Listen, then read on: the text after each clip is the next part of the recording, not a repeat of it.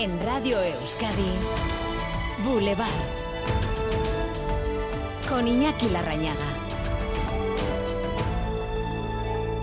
In extremis, Brasil ha dado un volantazo hacia la izquierda.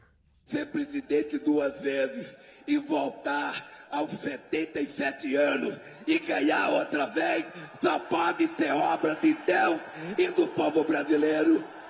Es la voz rasgada de Lula da Silva ante sus seguidores, anunciando que va a regresar al poder y lo hará por la mínima, con el 50,9% de los votos frente al 49,1% de Jair Bolsonaro. El presidente interino no ha comparecido esta noche, silencio absoluto, aunque sus seguidores no han clamado contra el fraude, tal y como se temía. Por lo tanto, Lula, de 77 años, tomará de nuevo el poder de un país dividido casi en partes iguales y se sube así a la nueva ola de izquierdas que toma fuerza en Latinoamérica.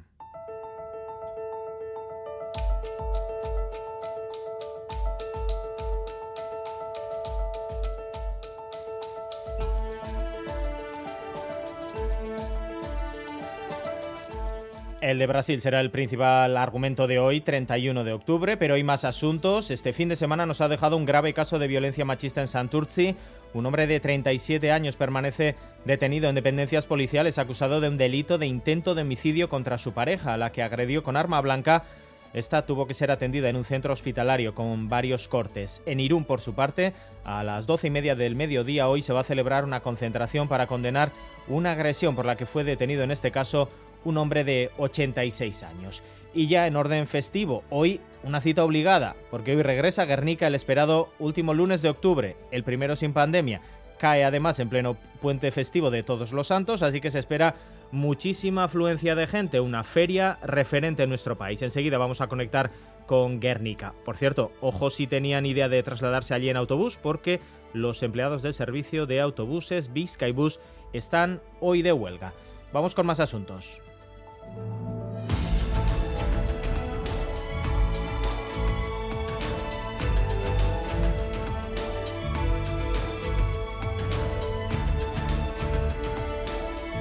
Con Ichaso Güemes y Asier Herrero. Hoy se inaugura en Bilbao la sede del Secretariado de la Coalición Local 2030 de la ONU. Estará ubicado en la sexta planta del Archivo Histórico de Euskadi y buscará dinamizar el trabajo de la Coalición Local 2030 entre las instituciones locales. A partir de las 9 de la mañana hablaremos con la Secretaria de Estado para la Agenda 2030, Lili Bestringe, aquí en Boulevard. El sindicato LAB y el Endacari se reúnen hoy por primera vez. El objetivo es avanzar en la transición ecosocialista. La cita se enmarca en la ronda que LAB está llevando a cabo con agentes sindicales, sociales y políticos después de su décimo congreso. La central sindical pedirá a Íñigo Urcuyu que ponga en marcha medidas concretas para avanzar en su propuesta. El escritor, periodista y euskaltzale tolosarra, José Aristimuño, Alzol, será homenajeado hoy en el Día de Recuerdo y Homenaje a todas las víctimas del golpe militar, la guerra y la dictadura. El acto será en el Auditorio Nacional de Música de Madrid. Se homenajeará a 15 víctimas de la guerra y la dictadura. Entre ellas, Aitzol fue el fundador de la revista Yaquincha y director de la sociedad Euskal Chaleac. Durante la guerra civil fue detenido y fusilado por las fuerzas franquistas a pesar de su condición de sacerdote. A partir de las ocho y media aquí en Boulevard hablaremos con uno de sus familiares. Al menos 91 personas han fallecido y otras 100 han desaparecido al derrumbarse un puente colgante en la India. Según los testigos, unas 500 personas estaban cruzando el puente cuando colapsó. La oposición del país ha responsabilizado de este accidente al partido gobernante, ya que el puente no contaba con la autorización municipal necesaria para su reapertura. Aritz Mendiola es uno de los testigos, entrevistado en ETV.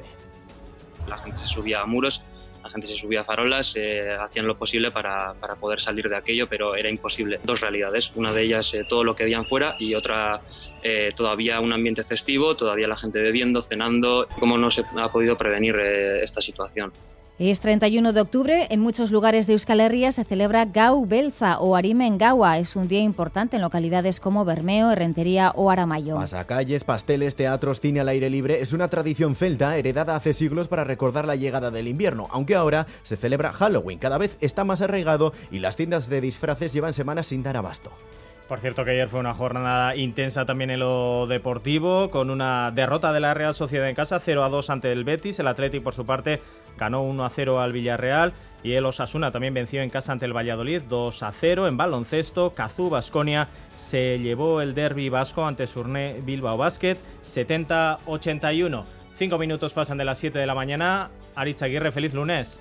Egunon, feliz lunes a quienes os toca, nos toca ir a currar en el medio del puente Pues que vayáis con la misma pasión que los hinchas de Lula. Larra y Chaso, así habéis venido, ¿no? Por supuesto, claro nos que sí. Nos vendría muy bien un poco de lulismo. Decía hinchas de Lula porque en el país del fútbol las elecciones también son un partido, una final de fútbol que podíamos extender la crónica deportiva. Por ejemplo, este es el gol cuando avanzan que Lula obtuvo el 50 y pico por ciento raspado. Golazo, esta es la hinchada de, de la izquierda del campo.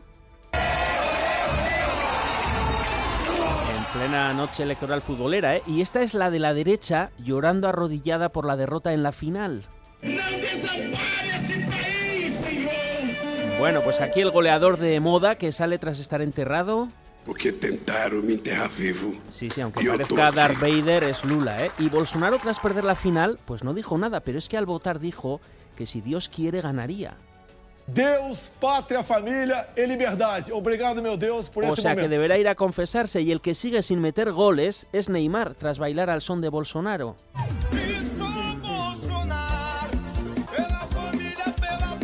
Como bailaba Neymar pero sin celebrar goles, pero que haya paz y amor. Brasil siempre fue el país de la alegría, no puede ser un país con rencor. Y que vayas a currar bailando samba, que yendo hoy a trabajar pareces del Partido de los Trabajadores.